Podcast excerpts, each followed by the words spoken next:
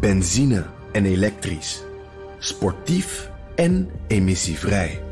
In een Audi plug-in hybride vindt u het allemaal. Ervaar de A6, Q5, Q7 en Q8 standaard met quattro vierwielaandrijving. Wat u ook zoekt, u vindt het in een Audi. Audi. Voorsprong door techniek.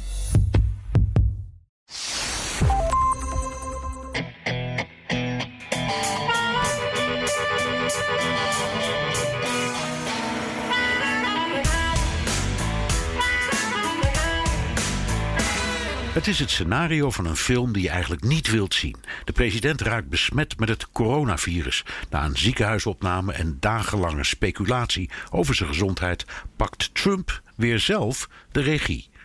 One thing that's for certain don't let it dominate you. Don't be afraid of it.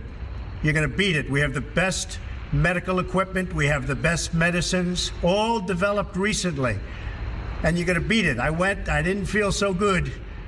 And two days ago, I could have left two days ago. Two days ago, I felt great, like better than I have in a long time. I said just recently, better than 20 years ago.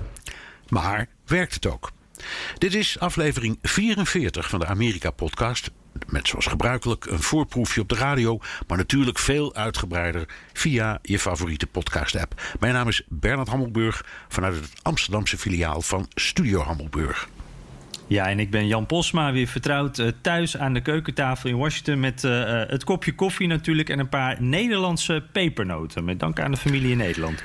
Zo, Jan, er is heel veel gebeurd deze week. Laten we eerst eens even kijken ja. wat we nou weten van Trumps gezondheid. Dus begin eens eventjes met een in vogelvlucht door te lopen... wat er allemaal sinds vrijdag is gebeurd. Ja, ja, want dat is uh, flink wat. Hè. Uh, uh, vrijdag werd Trump natuurlijk naar het ziekenhuis gevlogen. zaterdag kwam de eerste update vanuit het Walter Reed. En die was heel positief eigenlijk. Trumps lijf, lijfarts, Sean Conley, die vertelde dat het uitstekend met Trump ging. er was geen koorts. hij is gewoon aan het werk. er was wel iets raars trouwens. Die, die lijfarts die maakte ook een foutje over hoe lang nou bekend is dat Trump besmet is. dat, dat, dat maakte hij later dan weer, verduidelijkte hij dat. Maar dat was een gek moment. En wat vooral raar was, hij wilde niet zeggen of Trump uh, zuurstof was toegediend. En uh, na, eigenlijk meteen na die update van uh, de dokter, een persconferentie waar natuurlijk iedereen op af was gekomen. gelijk daarna hoorden we via persbureau AP dat er wel degelijk zuurstof was toegediend aan de president. En Trumps stafchef, Mark Meadows, die zei eerst anoniem en later ook onder eigen naam dat het allemaal een stuk heftiger was geweest. dat hij zich eigenlijk wel zorgen had gemaakt. En dat het nog maar uh, afwachten was of, of het pad van herstel echt ingesteld was. Dus dat was schrikken en ook heel verwarrend. Um, dag later gaf uh, zijn arts weer een, uh, een update... waar we natuurlijk iedereen weer op uh, af kwam draven. En toen gaf hij toe dat hij eigenlijk wat optimistisch was geweest. Want ja, dat was zijn team en, en de president zelf ook. Dat wilde hij overbrengen. En, dat vond ik ook interessant... hij wilde de koers van de ziekte niet beïnvloeden, zei hij. met andere woorden, hij wilde Trump niet ongerust maken. Want een ongeruste patiënt die herstelt misschien wel minder snel. Um, en sindsdien zien we eigenlijk steeds een beetje hetzelfde. Zijn dokter blijft heel optimistisch. Uh, media blijven uh, moeilijke vragen stellen aan die dokter. Die dokter geeft niet altijd antwoord. En uh, we weten bijvoorbeeld dat Trump dexamethason krijgt. een paardenmiddel, sterker dan prednison. En dat wordt eigenlijk alleen bij ernstige coronagevallen gebruikt. maar tegelijkertijd uh, is hij dus nu ook weer in het Witte Huis. Dus dat lijken tegenstrijdige berichten. Aan de ene kant het gaat heel goed, aan de andere kant krijgt hij een paardenmiddel. Dus ja, ja Bernard, wat weten we nou van Trumps gezondheid? Het is best onduidelijk. Ik ben even in die medische kant gedoken. Wij zijn natuurlijk geen artsen, dus ik, ik zeg heel nadrukkelijk... je moet ermee uitkijken. Maar dat, dat is gewoon een, een steroïde hè, die hij heeft gekregen. Ja, precies. Die hij krijgt. Um, en uh, dat verhaal dat het een paardenmiddel is, alleen in hele ernstige gevallen, dat wordt door artsen die ik heb gesproken ontkend. Die zeggen ja, dat is wel een sterk middel, uh, net als prednison, maar dat kun je als je dat een weekje geeft of zo. Dat is gewoon een boost. Dat is helemaal niet zo, zo bijzonder is dat niet. Dus, hmm. dus um, ik, ik denk dat wij. We moeten uitkijken dat we ons niet. We komen direct wel te spreken over hoe Trump ons erin luist, zal ik maar zeggen, met informatie. maar we moeten het niet omdraaien. Ehm, dus we moeten het nou niet net doen alsof hij door het oog van de naald heeft, is gekropen. En dood en doodziek is. Want dat is volgens mij niet waar. Al is het wel. Ehm, al is hij wel, heeft hij het wel stevig te pakken. En is het veel erger dan deze lijfarts zei. Dus dat, dat, dat, roept allerlei vragen op. Want jij zegt ja, je maakt de patiënt niet uh, je wil de patiënt niet ongerust maken. Nou, dat, dat lijkt mij een optimistische weergave. Ik denk dat, uh, dat het gewoon een, ik zou maar zeggen, goed doorgesproken leugen is geweest. Eén aaneenschakeling van leugens of halve waarheden. Uh, en in strijd ook met wat een dokter moet. Want een dokter mag ook tegen een patiënt de zaak nooit rooskleuriger voorstellen dan die is. Dat is zeker in de westerse wereld gewoon verboden. Dat mag niet. Ook in Amerika niet. Dus hij kan nooit hebben gezegd: Nou, het gaat wel goed met je, komt wel weer goed en zo. Als hij dat niet echt dacht en vond. Dus er is iets, iets heel vreemds aan de hand hier, Jan. Maar, maar Bernard, even, even, twee dingen. Want jij hebt dus met, met een paar artsen gesproken die toch wat anders zeggen dan, dan wat, uh, wat ik hier uh, hoor. Uh, als niet-arts, inderdaad, heel nadrukkelijk zeg ik dat. Hoe, hoe, dat middel dat hem dan wordt gegeven, is dat dan ook, heeft dat er dan mee te maken? Dit is de president, die, die geven we, die moeten we er ook heel snel weer bovenop helpen. dus we kunnen een weekje zo'n paarden, nou ja, ik noem het toch maar een paardenmiddel geven. is dat dan de reden? Zodat ja. de president zo snel mogelijk weer ja. Te maken? Ja, er zijn een paar dingen die een rol spelen. In de eerste plaats, eh, wat we ook van hem vinden of denken, hij is de president van de Verenigde Staten. Als die ziek wordt, dan wordt alles uit de kast getrokken om te zorgen dat hij zo snel mogelijk weer beter is. Dat is nu ook gebeurd. Dus hij krijgt een mix van medicijnen, eh, wat heel schrijnend is als je het vergelijkt met de rest van die eh, inmiddels miljoenen patiënten in de wereld en ook in Amerika. Mm uh, zoveel mensen die ziek zijn, meer dan 200.000 die zijn overleden. Uh, die krijgen, hebben dat allemaal niet gekregen, of die krijgen dat allemaal niet. Uh, en hij wel. Dus dat, ja, daar kun je van vinden wat je vindt. En toch begrijp ik dat wel hoor. Dat zo'n artsenteam zegt: dit is de president. We halen alles uit de kast wat we hebben. En daar mm-hmm. past ook zo'n uh, corticosteroïde in die hij heeft gekregen. Maar ja, dit, dit, dit middel wordt ook wel voor onschuldigere kwaaltjes gebruikt. Als mensen um, niet goed genezen of niet snel genoeg. Kijk, als je het een hele tijd doet, dan is er iets aan de hand. Maar zo even, dat is allemaal niet zo erg. En ik kijk net als jij natuurlijk ook naar Amerikaanse media. En vooral CNN heeft daar een handje van gehad de afgelopen tijd. Met de ene arts naar de andere. Die riep: Dit is allemaal heel ernstig. En waarschijnlijk heeft hij toch wel ernstig longontsteking opgelopen. En weet ik wat allemaal. Mhm. Dat weten ze gewoon niet. Of dat zo is. Diagnose op afstand, dat is natuurlijk dus nooit slim. Ik wou alleen maar zeggen, ik weet ook niet of die bronnen van mij nu het helemaal het juiste eind hebben. Maar in afval zijn het artsen. Ik heb er twee gesproken over dit onderwerp onafhankelijk van elkaar die dat allebei zeggen. En ik neem aan dat die dat wel weten, want die schrijven dit soort middelen zelf ook voor. Maar het, het brengt ons natuurlijk op een hele belangrijke vraag. Wat is nou de rol van dat artsenteam en vooral van die lijfarts van Trump? Ja. Ja, want uh, jij zegt al uh, heel terecht van een, een, dokter mag een patiënt niet voorliegen. Nou ja, we zijn niet bij die gesprekken, dus ik kan me best voorstellen dat uh, die arts Trump een ander verhaal heeft gegeven dan hij ons geeft. Want er zijn, spelen andere belangen mee natuurlijk. Dit is de president, dus ja, dan kan je als arts ook niet alles zeggen. En er komt nog wat bij. Want deze arts is militair. Hij is commander, dat zouden wij denk ik een overste noemen of een schout bij nacht. Want het is, uh, hij is onderdeel van de marine. Dus het is een hoge militair. Nou zegt het niet zo heel veel, dat weet ik ook wel. Maar zijn patiënt is toevallig op een bevelhebber van de strijdkrachten. Zijn baas. Zijn baas, ja. En als die baas roept, ik wil dat je dat of dat zegt. Of anders geformuleerd dat je een deel van het verhaal weglaat. En roept er maar gewoon bij, dat heeft die man ook gedaan dat het te maken heeft met mijn, mijn privacy. Uh, dan heb je dat maar uit te voeren. En dat heeft die man gedaan. Dat vind ik ook merkwaardig. Ik had me daar niet voor laten lenen. En dan de manier waarop dat hele team van artsen, de een na de ander, kwam dan op om één zinnetje toe te voegen aan hoe grandioos dit team is en hoe geweldig de president het doet. En ik dacht, ik zie kopieën van Mike Pence, de vicepresident. Die praat ook altijd zo. Ja, ja die knikt ook altijd. Ja, we zijn, we zijn bijna blij dat we deze held mogen behandelen en hij doet het grandioos. Dat was de boodschap. En het was niet de waarheid. Dat is wel zeker. Ja, ja want uh, er hangt natuurlijk veel vaker uh, mist om de gezondheidssituatie van de president. Daar heb jij deze week ook nog een uh, column over geschreven. wat zijn de voorbeelden? Hoe zit dat? Nou, er bestaat een soort misverstand, namelijk dat de president van de Verenigde Staten de verplichting heeft om eh, het volk mee te delen hoe het met hem is. Nu is dat een gewoonte. Als presidenten hun jaarlijkse controle krijgen of als ze ziek worden, dan wordt dat regelmatig wordt dat dan gemeld met persberichten of toelichtingen. En dat is een staatkundige kwestie, want als het te ernstig wordt, dan moet je ingrijpen en daar voorziet de grondwet ook in. Dus het is niet zo'n gek idee dat je een beetje op de hoogte blijft van hoe het gaat met de president. Maar het idee dat dat in detail moet, dat staat nergens, dat hoeft ook nergens. En er is in de loop van de, in afval de 20e eeuw, een hoop afgelogen op dat punt. Woodrow Wilson, die in, ik geloof in 1913 president werd en uiteindelijk nog twee termijnen is gebleven. Daarvan zei zijn eigen lijfarts al dat hij waarschijnlijk het einde van zijn eerste termijn niet zou halen. Hm. Zo zwak was die man, had een zwak hart. Eh, dat is wel gelukt. Hij is herkozen. En kreeg toen een beroerte in 1919. Mhm. En zijn termijn liep tot 1921 en hij kon helemaal niks meer als verlamd. En toen heeft dus in het geheim, later is dat bekend geworden, zijn vrouw de, de honneurs waargenomen. Dus het land heeft toen iets van 2,5 of 3 jaar een vrouwelijke president gehad. Zonder dat dat ooit officieel was of zonder dat dat ooit ergens is vastgelegd.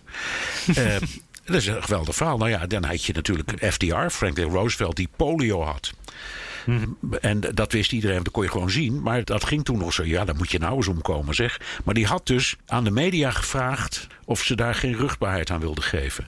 Dus je zag nooit beelden. Ja, toen al film, hè, uh, journaalbeelden had je toen al in de bioscoop. Of foto's waarin je hem in zijn rolstoel zag. Het shot was altijd zo afgesneden dat het van de buik omhoog, zal ik maar zeggen. En daaronder zag je niet, of zelden. En dan heb je natuurlijk Kennedy gehad. En die had een hele ernstige rugziekte en was bovendien tijdens de oorlog was hij nog, had hij nog een ongeluk gehad waardoor dat was verergerd. En die had de ziekte van Addison. Dat is een kwaal aan de bijnier. Zeer ernstige ziekte. Met als bijverschijnsel dat je huid er heel donker van wordt. Dus daarom zag hij er hm. vaak zo ontzettend gezond uit. En, heeft hij, en daarom heeft hij ook het debat van Nixon gewonnen omdat hij, omdat zo prachtig bruin uitzag. Maar dat kwam dus door zijn ziekte. Ja, en je, je hebt Eisenhower, zijn voorganger. Die heeft van alles en nog wat gehad. Een hartaanval, eh, een beroerte, de ziekte van Crohn ook allemaal geheim gehouden. Behalve die hartaanval, want dat kon je zien. Maar toen kwam er net zo'n mededeling als nu, na een paar dagen. Het gaat prima en hij werkt alweer. Was ook helemaal niet waar hoor. Dat was allemaal gelogen. En je hebt uh, Reagan gehad, die volgens zijn eigen zoon in zijn tweede termijn al aan het dementeren was. En ook daar wisten we pas uh, van toen Reagan zelf lang na zijn presidentschap een brief aan het volk heeft geschreven dat hij Alzheimer had.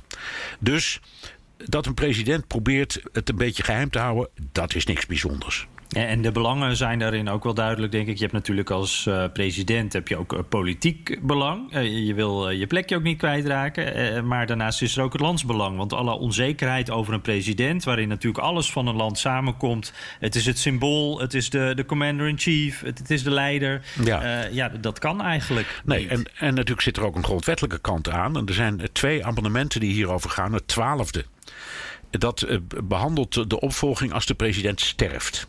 Dus dat is, dat is in feite een tamelijk makkelijke procedure. Als de president sterft, wordt hij opgevolgd door de vicepresident. Maar tot, tot Kennedy, die vermoord werd, was er geen voorziening in de grondwet die zei: ja, maar wat doen we als hij ernstig ziek is? Of als hij het niet meer aan kan, of als er iets anders is. En daarvoor is het 25e amendement geschreven. Maar dat was pas in 1965. Dus sindsdien hebben we een, een systeem waarbij de president president is.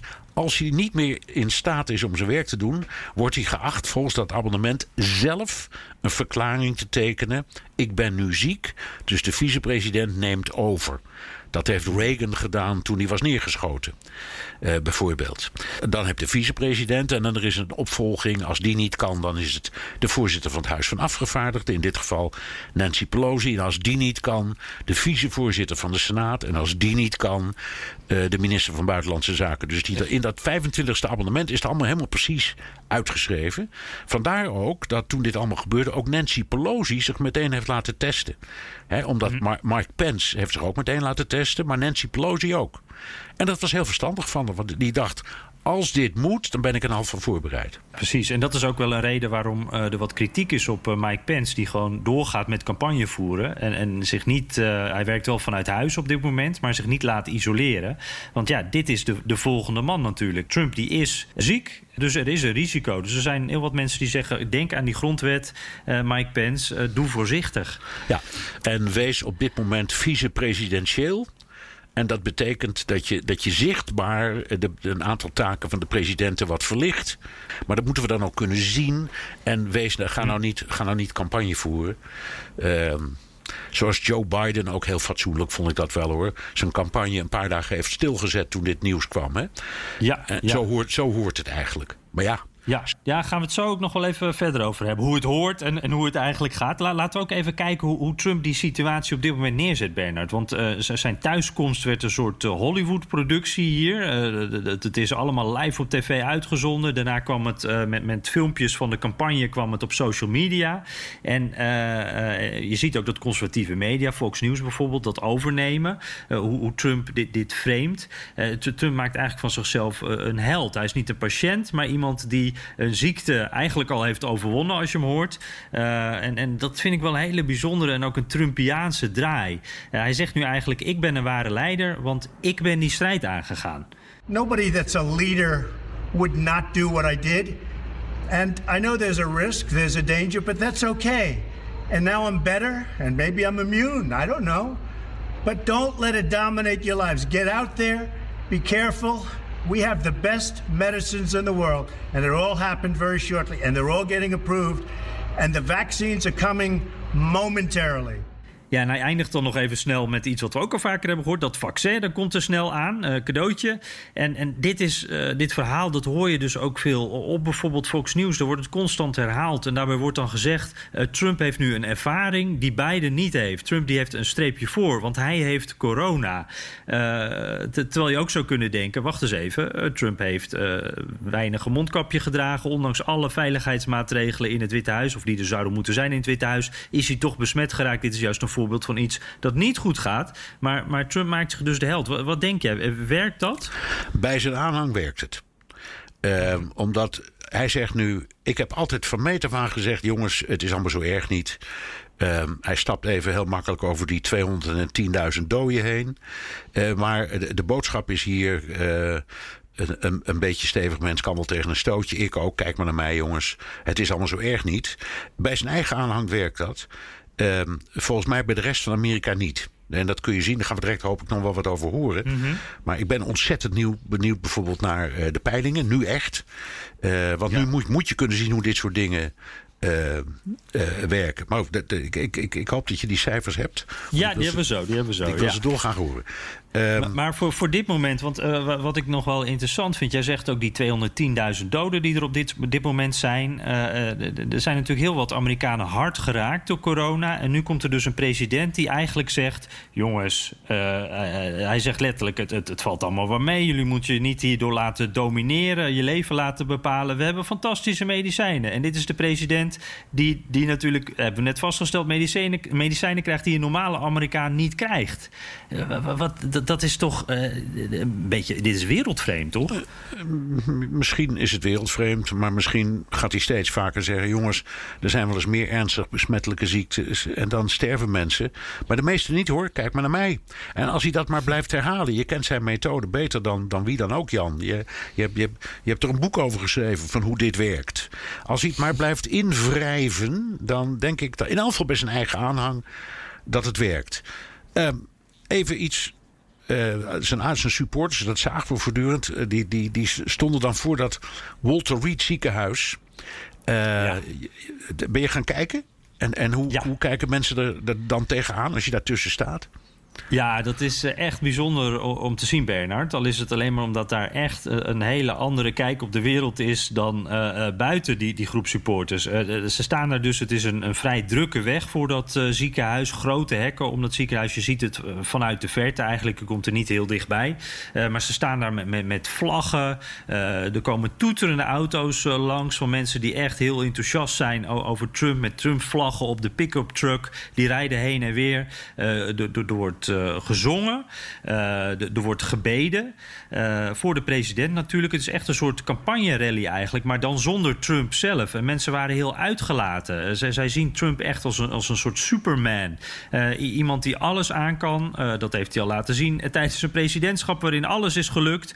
En, en dat gaat hij nu ook, of dat laat hij al zien met corona. Er is niemand die zich daar ook maar enige zorgen maakte. Uh, uh, hij is nu natuurlijk ook, ook uit dat ziekenhuis, maar hij wordt nog steeds wel behandeld. Maar al op die eerste dag was er daar niemand die, die ook maar dacht van... nou, dit zou ook wel eens ernstig kunnen zijn. Dat, dat zat gewoon niet in hun systeem. Um, en, en er waren daar zelfs mensen die daar overnacht hebben. Die daar echt dagenlang uh, gezeten hebben in hun campingstoeltje. Uh, nou is het hier nog lekker weer, maar dat is toch wel echt een commitment hoor. Allemaal om hun president te steunen. I came today because I wanted to show support for President Trump and I wanted to just express my condolences that he, you know, has a speedy recovery. Are you worried?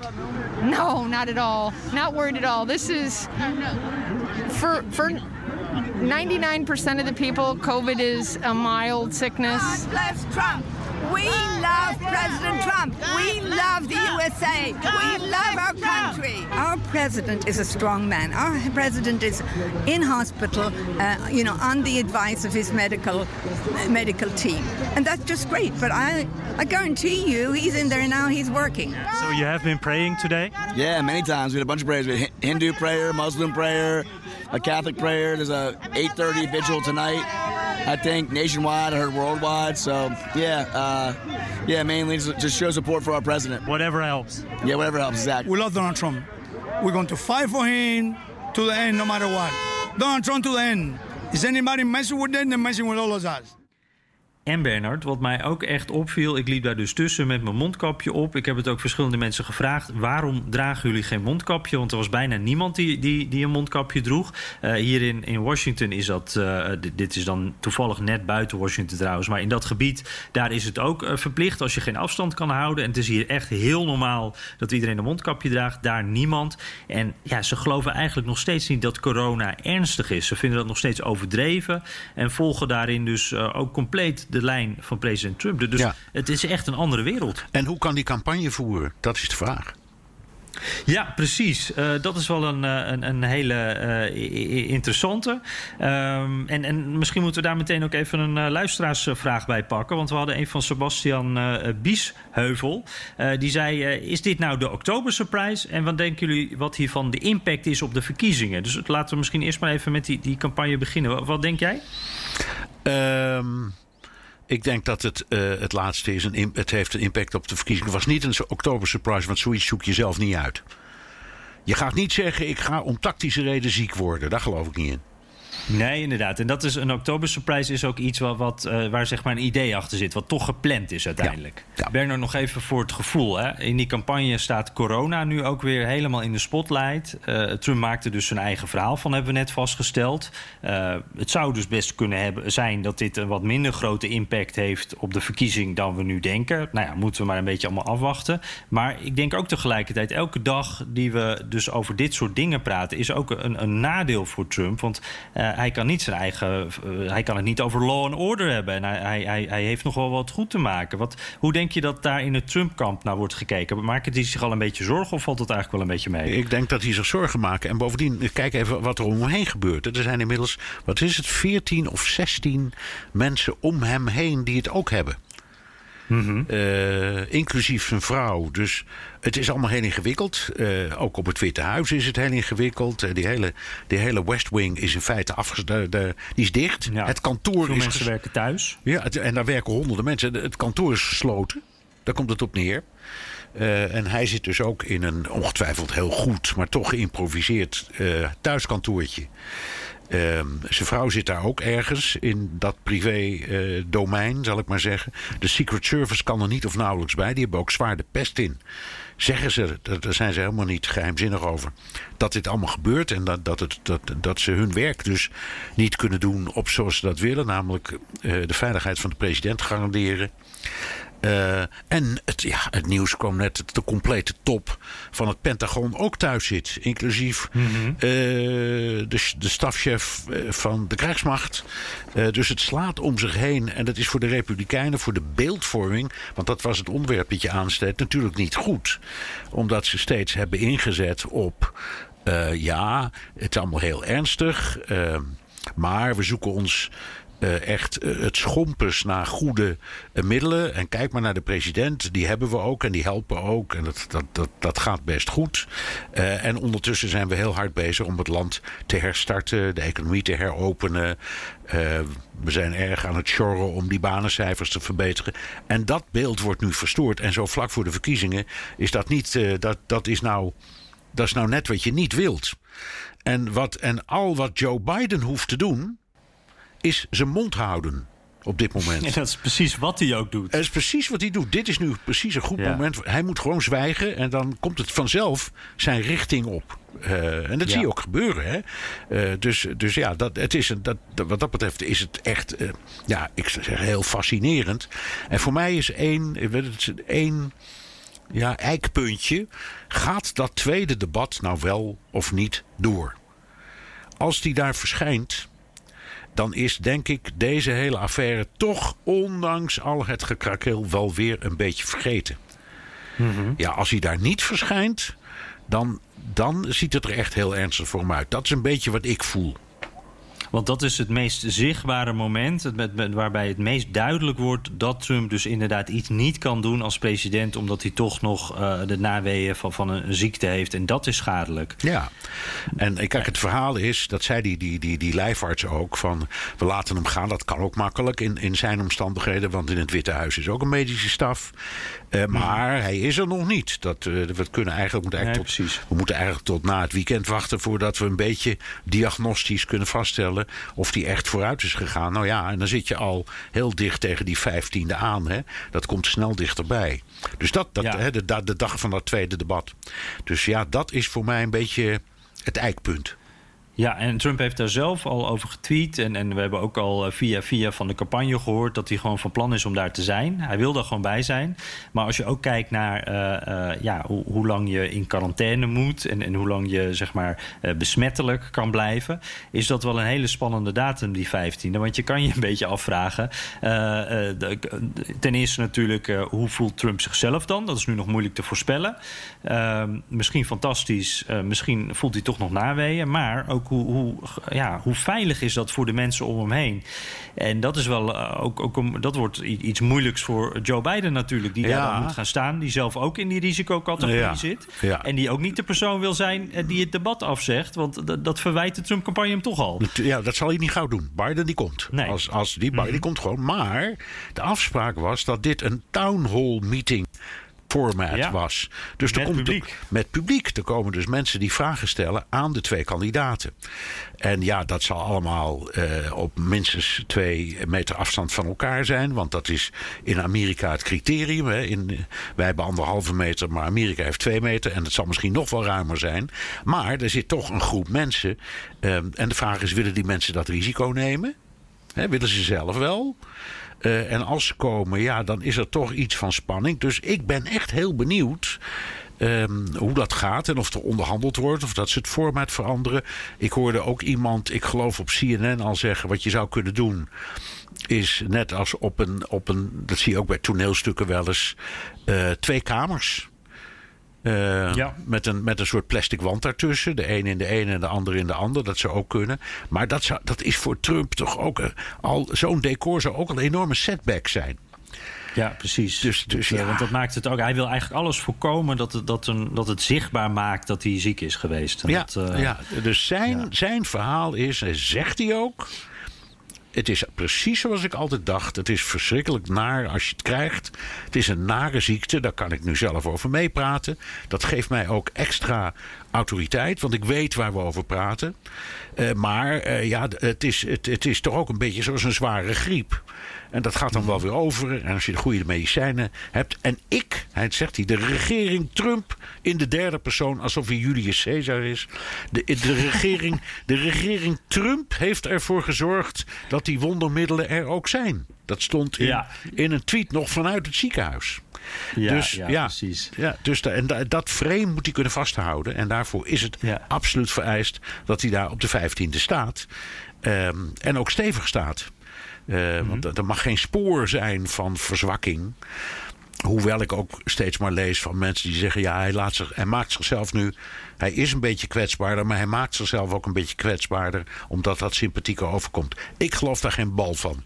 Ik geloof dat hij gewoon weer precies hetzelfde wil doen als bij het vorige, vorige debat. Sterk zijn, eh, op de voorgrond treden. Zijn tegenstander geen, het licht in de ogen niet gunnen. Nou ja, daarvoor moet je, moet je echt kunnen. Dus Ja. ja, nou. Ja, daar zeg je trouwens wel wat, Bernard. Want dat heb ik ook, die vraag heb ik heel vaak gekregen. Jij vast ook wel van... wordt dit niet allemaal in scène gezet door de Trump-campagne? Eh, ze hadden wat nodig om de boel even op te schudden. Eh, nou, nu komt er dus uiteindelijk helemaal... eh, ze hebben er in ieder geval een mooi verhaal van kunnen maken... wat binnen de campagne ook past, binnen hun lijn. Dus is dit niet expres? Ja, ik, ik geloof dat ook niet om twee redenen. Omdat Donald Trump, die, die wil nooit ziek zijn... en ook niet ziek overkomen. Elke vorm van zwakte, daar heeft hij een hekel aan. Dus dat, dat, dat, daar houdt hij helemaal niet van. En ik denk ook als president kan je dat risico gewoon niet lopen. De onrust die dat veroorzaakt eh, in zijn positie. Trump is wel iemand die risico's neemt. Maar, maar dit gaat denk ik echt te ver. En dit, dit fake je allemaal niet. Ik heb echt het gevoel... We weten niet wat er achter die ziekenhuisdeuren en witte huisdeuren allemaal precies gebeurt. Maar ik denk wel dat hij echt, echt eh, ziek is. eh, Ja, dat denk ik ook. Ehm, en wat ik tekenend vond was dat die balkonscène, Jan. Waar, Ja. waar die op dat, op dat, dat is, dat heet dan een Truman eh, balkon. eh, ging staan. Dat, is, dat, dat heet zo omdat toen Truman president was, is het, Wi- is het Witte Huis verbouwd. En daarvoor was er geen balkon. Dus Hm. sinds, sinds een balkon hebben, heet dat het Truman balkon. Maar daar verscheen die op. Ja, de, de, de Independent, de Britse krant, die schreef hem. Die schreef als een soort Mussolini. Stond, eh, ging hij op dat, op dat balkon staan. En deed heel pontificaal dat mondkapje af. En het was alleen maar een foto-opportunity. Hij zei op dat moment niks. Het was alleen maar de bedoeling, net als met dat Bijbeltje toen, om zichzelf te laten zien en te laten fotograferen. En dat is ook gebeurd. En ehm, nou goed, dat is dan zijn stijl, maar dat staat haaks op elk idee dat dit geanceneerd of georganiseerd zou zijn. Dat geloof ik niet. Dat geloof ik gewoon niet.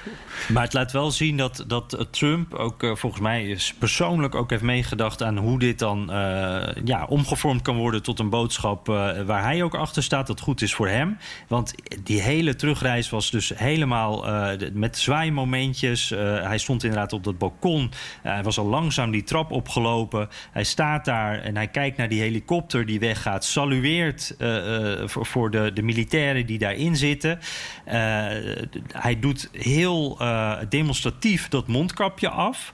Eh, daar zat zoveel in in dat moment. En ik moet ook zeggen, het, het was een filmisch moment.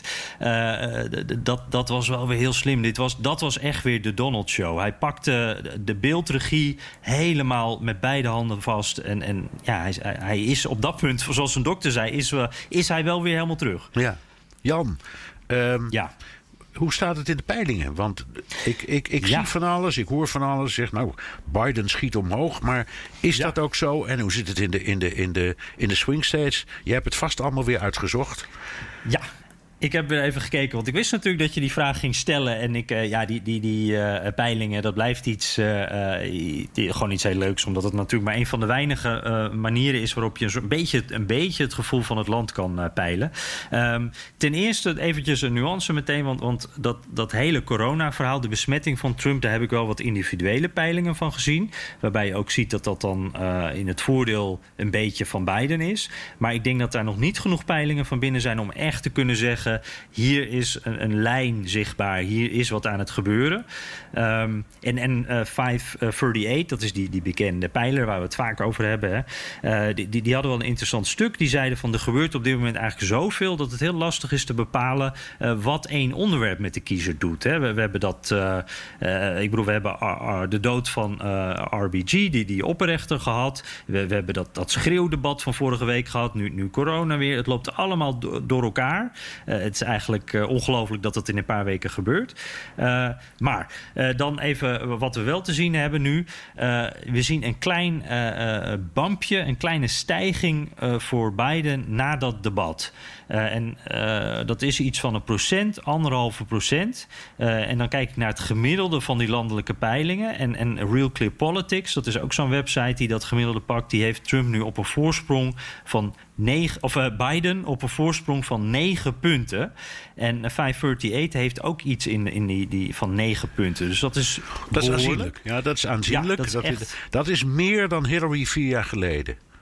Kijk, ja, want dat wordt er vaak bijgehaald ja. van... hé, hey, ze staan nu ongeveer op dat punt uh, en wees voorzichtig... Want, Hillary heeft het natuurlijk ook niet gered. Nee. Maar wat eigenlijk veel belangrijker is... zijn natuurlijk die swing states. Juist. En, nou, ik, ja. ik, ik kan dat hele rijtje opnoemen... maar, maar laat ik in ieder geval zeggen... Real Clear Politics maakt ook het gemiddelde van die swing states... zetten ze op een rijtje. En daar staat Trump bij de top battlegrounds... of daar staat Biden op 4,3 punt uh, punten voorsprong op dit moment. Dus in die battleground states. Kan ze ook nog even bij langs gaan als je wil. Maar nou ja, ik ben. Dat hoeft niet, maar noem er een paar. Bijvoorbeeld, de, de, de, wat voor ons toch altijd een hele belangrijke is: Florida. Heb je daar cijfers van? Ja. Ja, daar, daar hebben ze op. Uh, daar is dus, dat is een van de staten waar verandering was. Uh, daar hebben ze nu uh, Biden op plus 3,5 staan. Uh, wat nog steeds met die foutmarge, hebben we het ook eerder over gehad, uh, niet zo groot is. Maar dat is echt wel meer dan dat het uh, vorige week en de week daarvoor was. Pennsylvania, daar is Biden dan een klein beetje gedaald, maar daar staat hij nog steeds op 6,5 voorsprong. Dus dat is echt veel. Maar als je kijkt, Michigan bijna 6%, Wisconsin bijna 6%. ja, dat zijn allemaal toch behoorlijke. hij staat behoorlijk voor. Ja, en noem eens een paar plekken waar, waarvan je kan zeggen, ook in swing state opzicht, daar staat Trump nog altijd behoorlijk stevig. Um, even kijken hoor. Heb je die erbij? Um, Want ja, ik, ik, zit even nu. Ik, ik, bijvoorbeeld, heb je Texas, dat is officieel geen swing states, maar ze rekenen toch vaak mee. Dat wordt bijna altijd gewonnen door de Republikeinen. Um, ja. heb, heb, je daar, maar ik zag hem op het laatste kaartje dat ik zag niet meer rood, maar roze. En dat, ja, bet ja. betekent uh, waarschijnlijk republikeins, maar niet helemaal zeker. Dus ja. dat soort dingen, daar zitten daar verschuivingen. Of andere typische Trump-staten. Waarvan je kan zeggen: hé, hey, dat valt me op. Of dat kan ook Nou, hoor. zit- Of is daar gewoon helemaal geen sprake van? Nou, ik heb in ieder geval eh, Texas. eh, daar zie ik nu het gemiddelde. Daar hou ik Real Clear Politics weer eventjes aan. Eh, ja, dat, dat is nog steeds ruim drie punten voor Trump. En Ja. daar zie je wel ook dat Trump bijvoorbeeld de laatste tijd ook stijgt. Ja. Eh Biden ook, eh, ja, Biden fluctueert daar wat meer. Maar Ja. dat, dat is inderdaad, ja. ja, ja. Ja, niet dat ze er hoop op hadden, maar we hebben wel eens vastgesteld, ook in deze podcast, dat wanneer in Texas bijvoorbeeld de stemming om zou slaan, ja, dan is het gebeurd met Trump. Ja, en ik denk Texas, dat blijft toch nog even die, die eeuwige belofte... waarvan dan elke verkiezing in de laatste jaren wordt gezegd van... oh, maar dat gaat een keer gebeuren. Al die, die eh, eh, Latino's die gaan eh, democratisch stemmen, stemmen en het worden er steeds meer. Maar eh, nog steeds is het net niet dat dat ook aan het gebeuren is, volgens Nee, mij. nee. Dus kun je, ik zou het kunnen samenvatten met.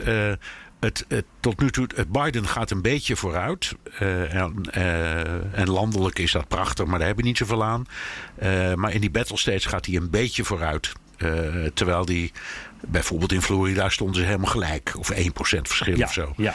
Dus Ja. dat, dat is eigenlijk de conclusie. Maar heel veel meer kunnen we er nog niet van zeggen. Dat zal tot volgende week moeten wachten.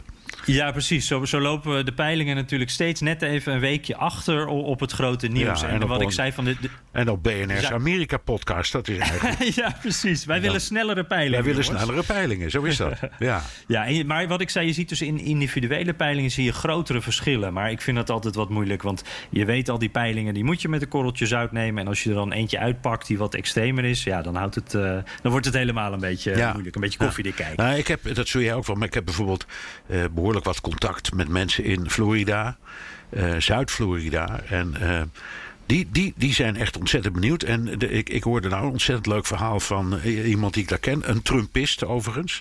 En die zegt: Het is heel grappig, bij mij op de hoek, ergens op een grote verkeersweg, daar was van de week een, demonstratie van Democraten. Hè, met allemaal van die vlaggetjes. Ja, ja. Eh, die zijn allemaal weg. En sindsdien staan op diezelfde plek constant Trumpisten met vlaggetjes Oh, en petjes. Ja, ja, ja, ja. Dus die, die, die zijn van hun plaatsje verdrongen. Ja, dat vond ik wel. En ik dacht, ja, dat is misschien ook wel een beeld. Eh, op die manier wordt er nu gevochten. En, en, en republikeinen zijn altijd wat mondiger dan democraten. Maar het is een mooi beeld. Eh, Ja, zo, zo zeker, vanuit de provincie. Eh, Eh, jij noemt trouwens eh, Florida. Dat is ook nog wel interessant. Een van die peilingen waarvan ik dan denk... nou ja, goed, we moeten het maar een beetje afwachten. Maar je ziet wel een ontwikkeling dat onder de oudere kiezers... dat Biden daar aan het winnen is. En, en dat hij bijvoorbeeld in één peiling van CNN... heeft hij eh, 20 punten voorsprong onder oudere kiezers. Dus dat is wel... en trouwens ook een van NBC en, en de Wall Street Journal. Dus dat zijn meerdere peilingen. En dat is natuurlijk ook een van die groepen... die ze allebei proberen aan te spreken. En die juist in Florida zo belangrijk is. ja, want daar wonen veel, daar wonen veel pensionado's, dus dat is zo. Arizo- Arizona en, en Florida zijn de plaatsen, waar, de staten waar mensen heen gaan als ze met pensioen gaan. Eh, weer. ja, en dan worden ze heel oud en blijven heel gezond en kunnen dus nog heel lang stemmen. Ja, ja, Ja. ja. ja. Ja, ehm, Jan, we hebben ook natuurlijk, nou ja, eh, de komende week weer even een leuk hoogtepuntje. Want dan hebben we het debat tussen de vicepresident en de vicepresidentskandidaat Pence en Harris. Ehm, Ja. Hoe belangrijk is dat, Jan? Ja, ik, ik denk toch wel. eh, ik, ik vind altijd een beetje. Die, die Amerikaanse media die ik hier de hele dag zit te kijken. die hebben het dan altijd over. "Ah, het grootste debat, het belangrijkste debat. eh, in our lifetime. Weet je wel. Daar word ik dan altijd een beetje eh, cynisch van. Maar het is echt belangrijker geworden, denk ik, dit debat. Normaal gesproken zeg je een beetje bij die vicepresidenten van... nou ja, dit is de minst spannende. eh, laten we maar eh, snel door naar het volgende presidentiële debat. Maar nu, dit zijn natuurlijk de twee mensen, Harris en Pence... die, die, die, die, de backup zijn. Dit zijn de vervangers eh, als hun kandidaat president zou zijn... de komende vier jaar en die zou ziek worden. Dus ik denk, dit legt echt de spotlight... ook tijdens dat debat trouwens weer op corona... maar ook echt op die vervangers. Dus het is even een stukje extra belangrijk geworden. Ja, je zou kunnen zeggen.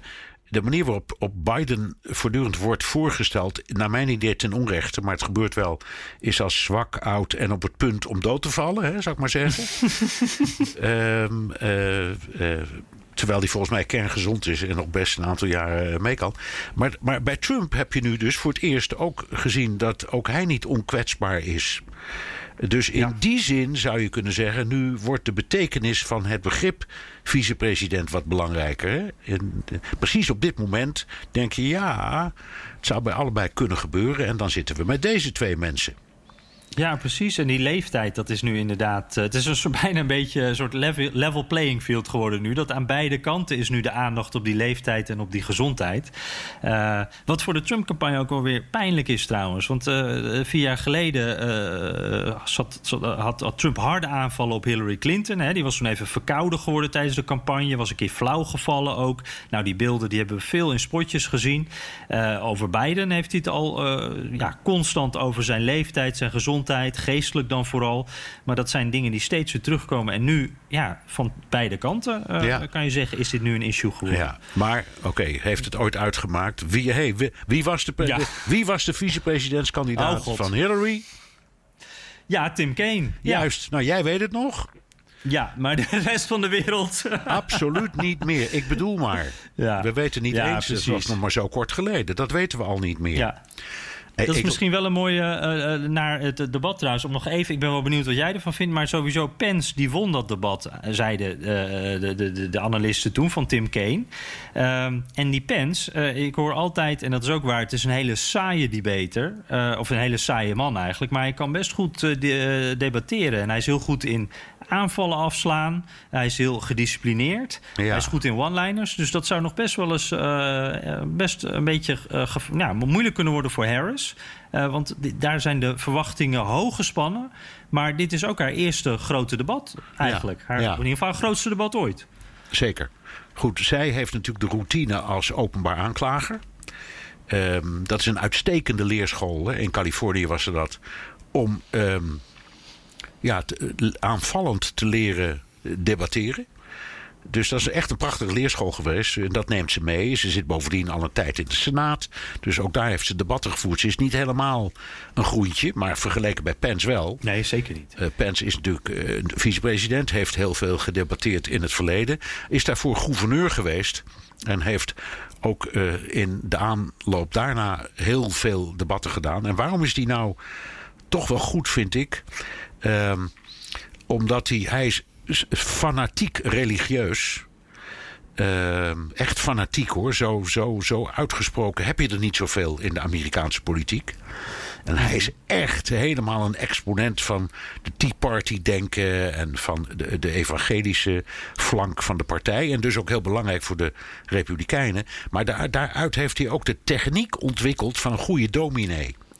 Dus hij kan heel doelgericht bijna preken in de manier waarop hij praat. En ook zijn toon, als je daarnaar luistert, die krijgt dan de cadans van een traditionele Amerikaanse dominee. En inderdaad, als je daartegen moet debatteren.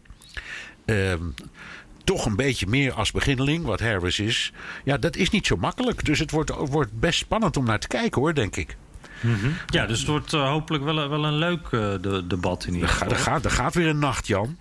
Ja, oh, dat sowieso. Trouwens, nog wel één ding. Jij zegt van ook eh, Tea Party. Ik zie hem toch meer als echt dat exponent van die religieuze kant. Dat, ja, dat ja, ja, maar, dat is, jawel, maar dat, zit, in- dat zit in die Tea Party ook enorm. Laten we zeggen, mensen als Ted Cruz, dat, die is ook zo'n de senator, dat is ook een exponent hè, uit Maar Texas. Cruz is misschien ook wat, wat, wat relleriger. En, en Ja. bij Pence, de, dat dominee, de do- dominee-omschrijving is wel hele mooi. Dat is toch meer een, een nette man ook. Ja, dus dat, ook het, het, is, het, het is een nette man. En hij, hij beweegt altijd zo heel netjes met zijn hoofd beetje heen en weer tijdens het spreken. En je, je ziet hem nooit zijn stem verheffen. Reagan-achtig. Reagan-achtig, ja. Het Die heeft, iets, het heeft iets zalvends. Eh, en dat, dat doet hij heel bewust. En dat is ook zijn, ja, zijn, zijn opvatting en zijn geloof, Hm. letterlijk en figuurlijk. Dus een interessante, en ik zou maar zeggen, als je moet debatteren, is dat een waardige tegenstander. Dat Ja. is echt, eh, als je daar tegenop kan, dan kun je het goed. Dus eh, ja, maakt het wat uit, Jan?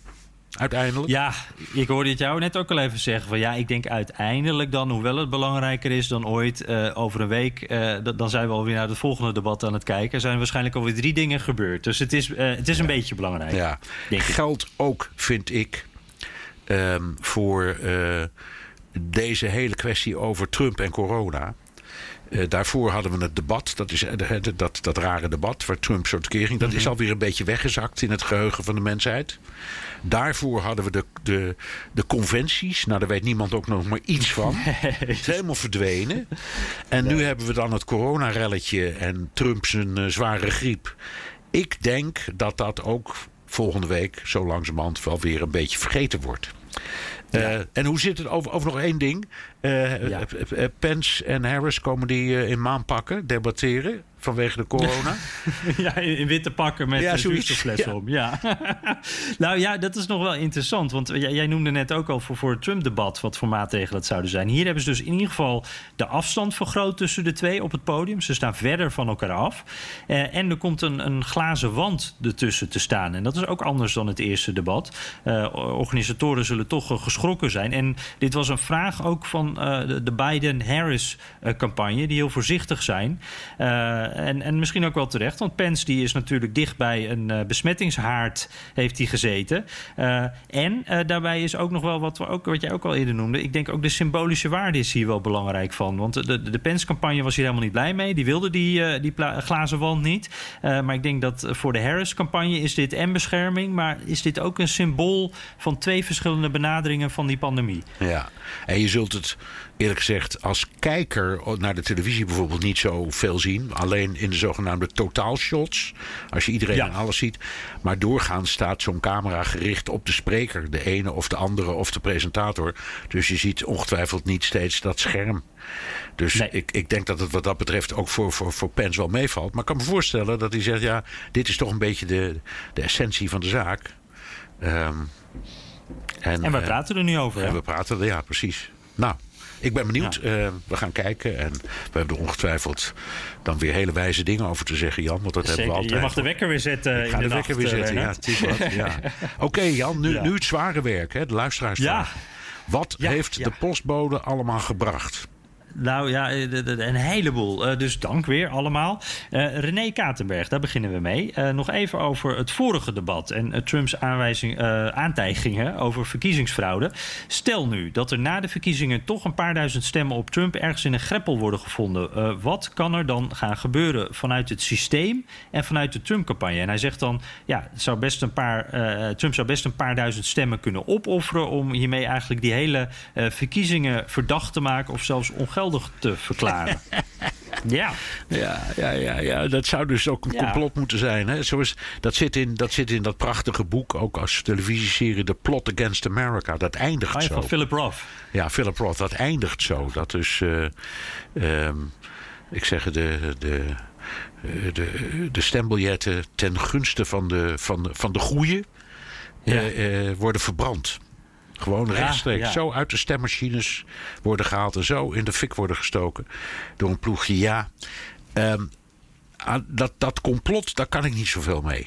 Eh, sorry, het, het is niet anders, maar ik kan me niet voorstellen dat de Trump-campagne. Het zou kunnen hoor, dat ze iets bedenken zo. Maar ik, ik kan daar niks mee, want ik kan me er niks bij voorstellen. Of ze ergens worden gevonden, ja, dat kan ook, ook van de andere partij trouwens. Maar het kan best zijn dat er een paar duizend stemmen ergens in een greppel worden gevonden. En wat doe je dan? Dat is niet zo makkelijk. Ehm, het eerste wat je doet is een hertelling vragen in het district waar het is gebeurd. Je hebt ze immers gevonden nu, die, eh, die stemmen. En het, het, als dat niet leidt tot je, wat je wil, dan ga je naar de rechter. En iedereen zegt al dit. eh, De, ja, de, de, de winnaars van deze verkiezingen, dat, zijn, dat worden de advocaten. En dit is typisch zo'n voorbeeld waarvan ik denk, nou, dat zou, zou best eens kunnen gebeuren.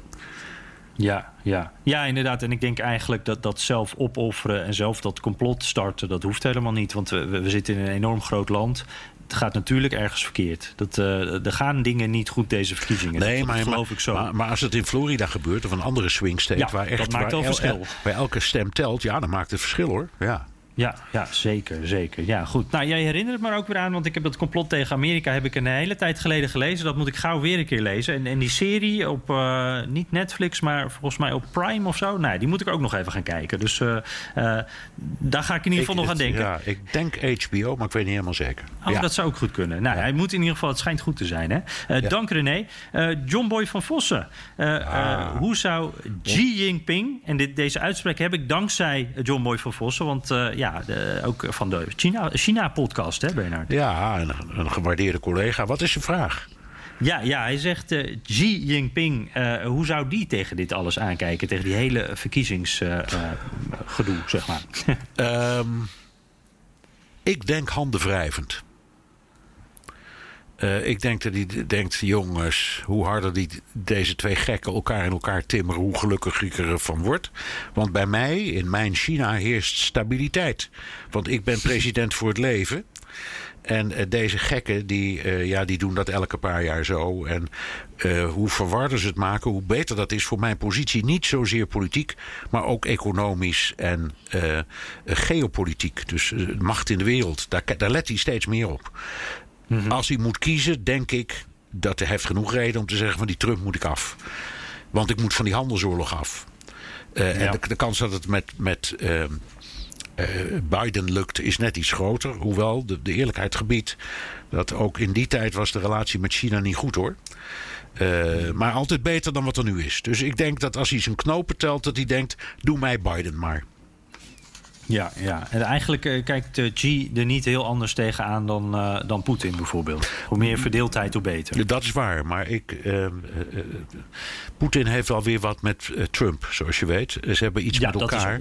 Dus Ja. dat, dat, dat- ik, ik weet niet of het daar hetzelfde ligt, maar. maar Rotzooi in de tent in het andere grote land, dat is voor een leider altijd goed. Ja, dat is. eh, nou, die kan op een, eh, op een tegeltje. Eh, Joël van Rooij. ik luister elke zaterdag naar de podcast in het magazijn op mijn werk in Den Bosch. Nu hoorde ik Bernard antwoorden op de vraag: op welke manier volg jij in Amsterdam de Amerikaanse televisie? Waarop Bernard zegt: Je hebt bijvoorbeeld wel CNN, maar dat is zeer eenzijdig. We hebben helaas geen Fox News hier in Nederland. Ik schrok hier toch wel van, want Fox News is toch heel eenzijdig. En dan vooral voor Trump. Ja. Voor Trump. Ja. Vind jij Fox News niet eenzijdig, Bernard? en waarom niet? Ja, en daarom wil ik het zien. Want CNN is ook eenzijdig, dus ik zie maar één kant. Eh, nou hadden wij, dat moet er even bij zeggen, vind ik wel belangrijk, met elkaar afgesproken, Jan. Dat we bij het volgen van debat jij vooral Fox zou kijken en ik vooral CNN. Zodat we samen de balans van die twee schreeuwzenders eh, bij elkaar konden voegen. Dus. eh eh, Joel heeft een, heeft een punt, maar ik wil, ik wil ze graag zien. Ik wil MSNBC ook zien, die heb ik hier ook niet. Er zijn een paar nieuwe kanalen. bijgekomen nieuwskanalen. Dat zie ik hier allemaal niet. Dus ik, ik, ik, ik mis dat. Maar goed, ik ben bijna terug hoor. Dus eh, dan, ja. ja, dan, dan zitten we weer gewoon eh, aan de goede kant Kan je van weer lekker klas. zappen. Kan ik weer lekker zappen. Ja. ja. Ja, nee, maar het is helemaal waar. Want juist omdat eh, het ongekleurde, dat, dat, dat krijg je hier niet. Eh, sommige zenders komen misschien in de buurt, maar er zit altijd een, een kleurtje aan. En, en ik denk dat eh, juist Fox News heeft vaak hele andere verhaallijnen na zo'n debat of na groot nieuws eh, de- de- dan wat je bijvoorbeeld op CNN ziet. En het is juist zo interessant om dus die twee kanten te zien. Het, het wordt er niet altijd duidelijker van, Bernard. Die twee beelden nee, maar er, we er zijn gelukkig ook andere media. En we zijn er zelf ook. Hè. We hebben Ja, gelukkig, precies. we zijn best in staat om, om het nieuws te, te, eh, nou ja, ik moet zeggen, te wegen. Dat is, dat is ook Beetje ons te filteren. Ja, dat is ook een beetje ons vak. En ik, ik luister ook gewoon heel koppig naar National Public Radio, dat voortreffelijk is. En, en dat Ja. helemaal niet doet aan dat polariseren. Dus eh, we, we komen er wel achter. Maar die, uit, die, uit, die extreme zien is wel heel belangrijk. Gewoon voor het plaatje ook. En voor het beeld dat wij schetsen. Bijvoorbeeld in onze podcast. Ja, ja. Hey, eh, Herman Rebel. En die naam kennen we, hè? Ja, uit, Zwe- uit Zweden. Die, die, schrijft, Zeker. die schrijft vaak altijd leuke vragen. Zeker, en nu ook weer. Eh, hij reageert nog even op een eh, gesprekje dat we hadden. En dat ging er blijkbaar over dat ik eh, naar een de- democraten op zoek was in Ohio. Eh, en dat deed ik na- aan de hand van bordjes in de tuin. Ze waren met een, vergrootglas bijna niet te vinden daar op het platteland. En nu zegt hij, ik vraag me af hoe men zich durft uit te spreken over de politieke voorkeur in de VS. Hier in Zweden is het niet gebruikelijk dat men zich politiek uitspreekt. Zeker niet wanneer dat niet in lijn is met de mainstream. Ja. Hoe is dat in de VS? Durven mensen in blauwe staten voor Biden uit te komen? En Ja hoor. ja hoor. Het antwoord is heel simpel ja hoor. Democraten zijn wat minder uitbundig. Dus die doen wat, mi- wat minder aan petjes en vlaggetjes en dingen. Maar ze doen het zeker. En ze doen bijvoorbeeld enorm veel aan bumperstickers. Ja, Dus achterop, achterop auto's, daar vind je vaak de democraten. Ja, Eh, en met petjes en vlaggetjes vind je wat meer de republikeinen. Nee, maar ze zijn er heel trots op eh, te laten zien. En trouwens, in Nederland ja, is het wat minder gebruikt dan vroeger. Maar toch, eh, ja, toen, zeker toen ik opgroeide bij, in verkiezingstijd... zag je overal, ook achter ramen van eh, gewoon mensen in de straat... zag je eh, folders, hoe heette dat? Van die, eh, Van die postertjes. van die, gewone, van die postertjes met hoofden erop van hun favoriete politicus of hun partij. Dus ik, Nederland. zie je niet zoveel meer, hè? Nee, maar nog altijd wel een beetje. En, en in, in Nederland durven mensen daar volgens mij best voor uit te komen hoor. Dus, Ja. Maar Zweden zijn inderdaad, eh, zeg in een heleboel opzichten, eh, introvert en ook op dit punt. Het is, Ja, ook, het is ook het land, geloof ik, met de meeste vrijgezellen ter wereld. Eh, en dat ja, maar dat, dat, dat heeft ook heel, daar, dat, dat is in deze COVID-periode een heel belangrijk gegeven om te verklaren waarom zij zonder maatregelen eerst weliswaar heel veel doden hadden, maar dat het inderdaad heel spoedig weer allemaal afvlakte. En dat is een van de redenen daarvan, hoor ik. Nou, kijk, eh, dat, dat, hebben we dat ook nog even. Ook nog een stukje Zweden geduid. Eh, in ieder geval, eh, dank weer Harmen. Eh Guillaume Bom, die mailt ook. Beste Bernard Jan, ik geniet altijd erg van jullie podcast. Nou, dat is altijd goed om te horen. Heb ze vanaf het begin gevolgd en nog geen één gemist. Nou, dat, Zo, dat is helemaal mooi. Ik- Ja, dat, eh, die luistert al een tijdje dus. Eh, en hij zegt, mijn vriendin komt uit Santa Clarita, Californië... en is nu in Nederland vanwege de uitzondering die het kabinet heeft gemaakt... voor mensen met een latrelatie. Geen vrijgezel dus, eh, deze Guillaume. Als Californiër is mijn vriendin een echte democraat... moet niets van Trump hebben. Mijn vraag is daarom of jullie denken dat Joe Biden, als hij wint... een, ander Europa-beleid gaat voeren dan Trump. En hij wil natuurlijk weten of die travel er dan snel afgaat... zodat hij weer naar de Golden State kan. Ja. Ehm, ik zou zeggen ja, ja en ja. Eh, Nou, dat is makkelijk. Ja, nee, maar het is wel zo. Eh, over die T-travel ban is eh, natuurlijk heel pijnlijk. Maar wij doen hetzelfde, hè. Dus het is niet zo dat alleen Trump dat tegen ons doet. Wij doen het ook tegen de Amerikanen. Want hij zegt zelf dat zijn vri- vriendin... door een soort uitzonderingsconstructie Nederland binnen mocht. Maar gewoon Amerikaan komt er hier niet in. En andersom komt een Europeaan niet de Verenigde Staten. Zijn nu over bezig. En, en een van de goede berichten, ja, dat gaat dan alleen over journalisten. Maar eh, het State Department heeft net besloten om journalisten voor de verkiezingen bij nader inzien toch toe te laten.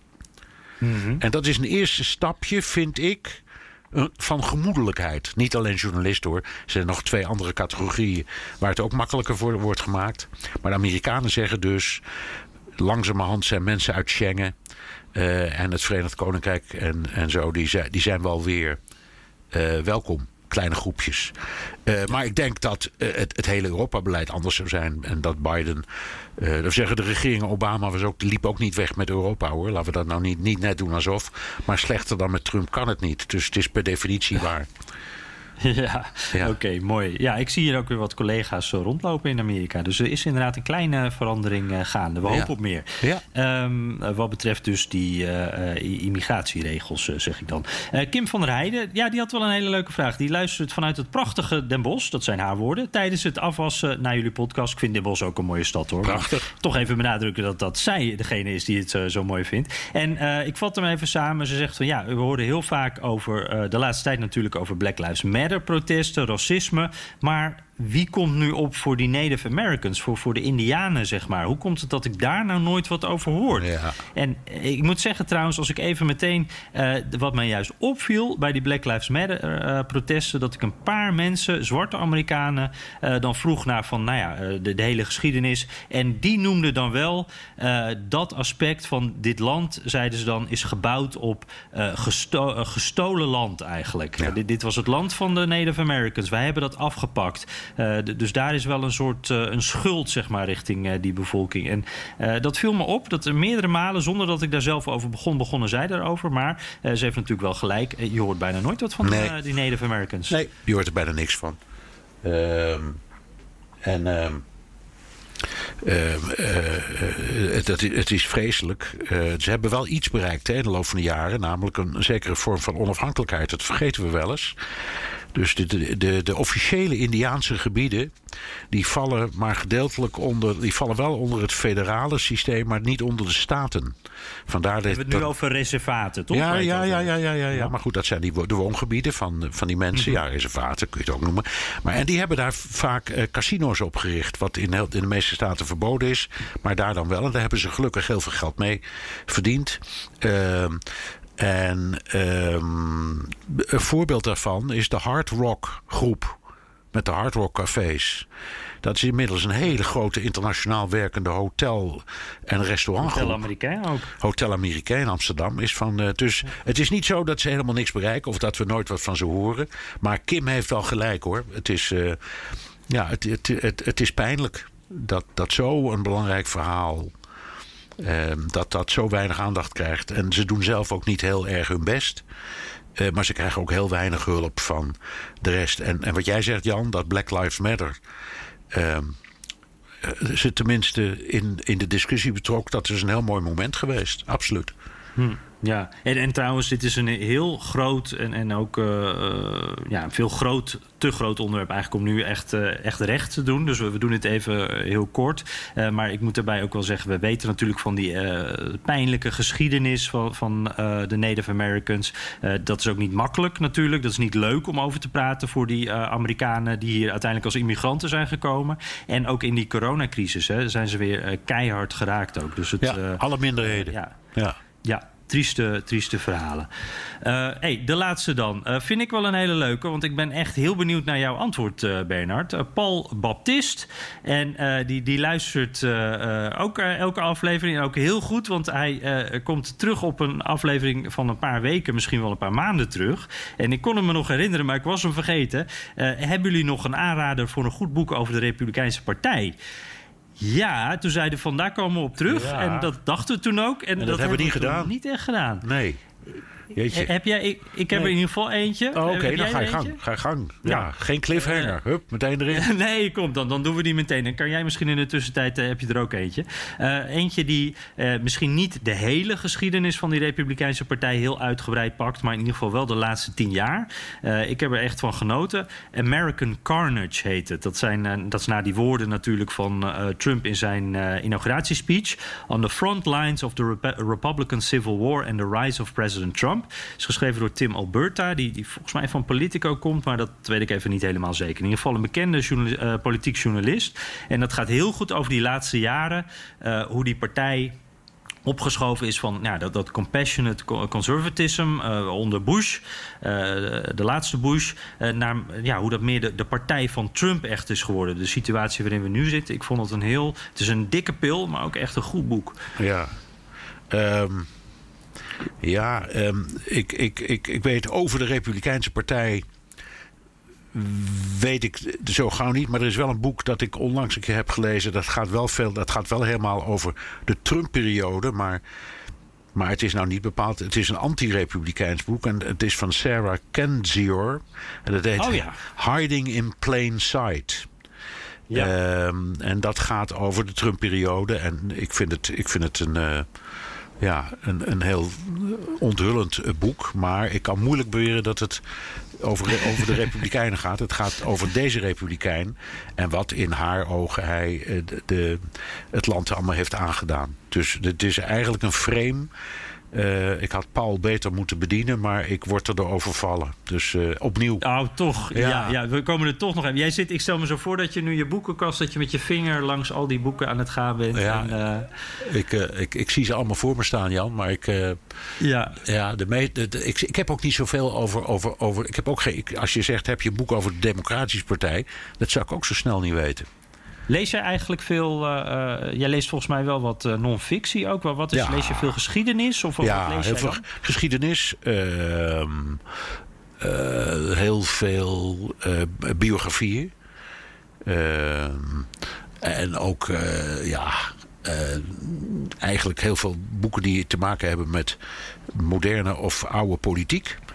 Uh, maar ook dingen die helemaal teruggaan naar de, naar de Romeinse en Griekse tijd en zo. Dus ik alles ja. wat er. Ja hoor, ik ben ontzettend geïnteresseerd. Heel breed in alles wat te maken heeft met de ontwikkeling van de wereld uh, en de wereldpolitiek. Uh, en dat, dat kan van alles zijn. Maar uh, ik, ik kijk dus eerder naar de hele serie boeken die Henry Kissinger heeft geschreven over internationale diplomatie. Dan bijvoorbeeld naar het nieuwste boek, boek van Bob Woodward. Hoe mooi en leuk Ja, ik dat ja. ook vind. Maar daar ligt eigenlijk meer mijn interesse. Nou, Bernard, laten we dan in ieder geval één eh, cliffhanger afspreken voor volgende week. Ook een beetje huiswerk voor jou. Ik ben heel benieuwd wat dan in jouw eigen interessesfeer, wat dan jouw favoriete boek is. Of dat nou een biografie of iets anders, iets geschiedenis, eh, welke aanrader je hebt. Eh, vol- volgende week wil ik die van jou horen. Ik ben heel benieuwd. Oké. En eh, daarmee sluiten we dan ook maar af, eh, Bernard, met die cliffhanger. Want nu moet je echt, echt even aan het werk. hè? Ja, ik moet aan het werk. Oké, Jan, we, we hebben altijd recensies, daar genieten we van. Vertel, hebben we op- of aanmerkingen? Ja, eh Fio Nijk met AE. die zegt: fijne podcast. alle, beide kanten worden belicht. En ik heb niet het idee dat ik naar. oh, ik heb niet het idee. Sorry hoor, ik loop zelf even vast. Dat ik nu kan zien op wie jullie zouden stemmen als ik luister. En dat is positief. Ik luister altijd in de auto. En eh, we hebben ook weer veel eh, berichtjes gehad van mensen die op ons gestemd hebben voor de Podcast Awards trouwens. Daar zijn we ook heel blij mee. Eh, ook veel stemmen voor jou trouwens, Bernard. Hè, als podcasthost van deze podcast en BNR De Wereld. Dus die zitten ook in de pocket. Dus Nou. allemaal dank daarvoor en blijf stemmen. Ja, leuk. Ja, ik ben zo benieuwd. Nou, terugluisteren kan via de BNR-site, Apple Podcast, Spotify. Heb je vragen, opmerkingen, kritiek of complimenten? Dan kan het ook met een tweet naar Jan USA of BNR De Wereld. Of heel ouderwets met een mailtje naar dewereld.bnr.nl. Ja, en zoals altijd, laat ook even weten hoe je naar ons luistert en waar. Dank ook weer voor het luisteren. En ja, eh, de, de wereld ziet er mogelijk eh, bij de volgende aflevering alweer heel anders uit. Eh, praten we dan over het debat, over Trump, over corona, over allemaal tegelijk. En je gaat het horen. Woensdag zijn we er weer. Benzine en elektrisch. Sportief en emissievrij.